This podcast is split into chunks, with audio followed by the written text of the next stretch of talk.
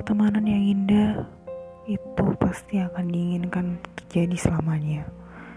Tapi bagaimana jika pertemanan itu berakhir dengan kesedihan dan perpisahan? Itu adalah hal yang tidak akan pernah diharapkan semua orang. Sayangnya, ini sudah terjadi padaku hanya karena mereka bertemu dan akhirnya justru kita yang berpisah. Tidak ada kata teman, tapi kurasa cinta lebih penting. Itu yang menurutku penting. Mereka harus menyadari apa yang telah mereka lakukan di atas pertemanan kita. Mereka menghancurkan segalanya karena karena cinta. Cinta itu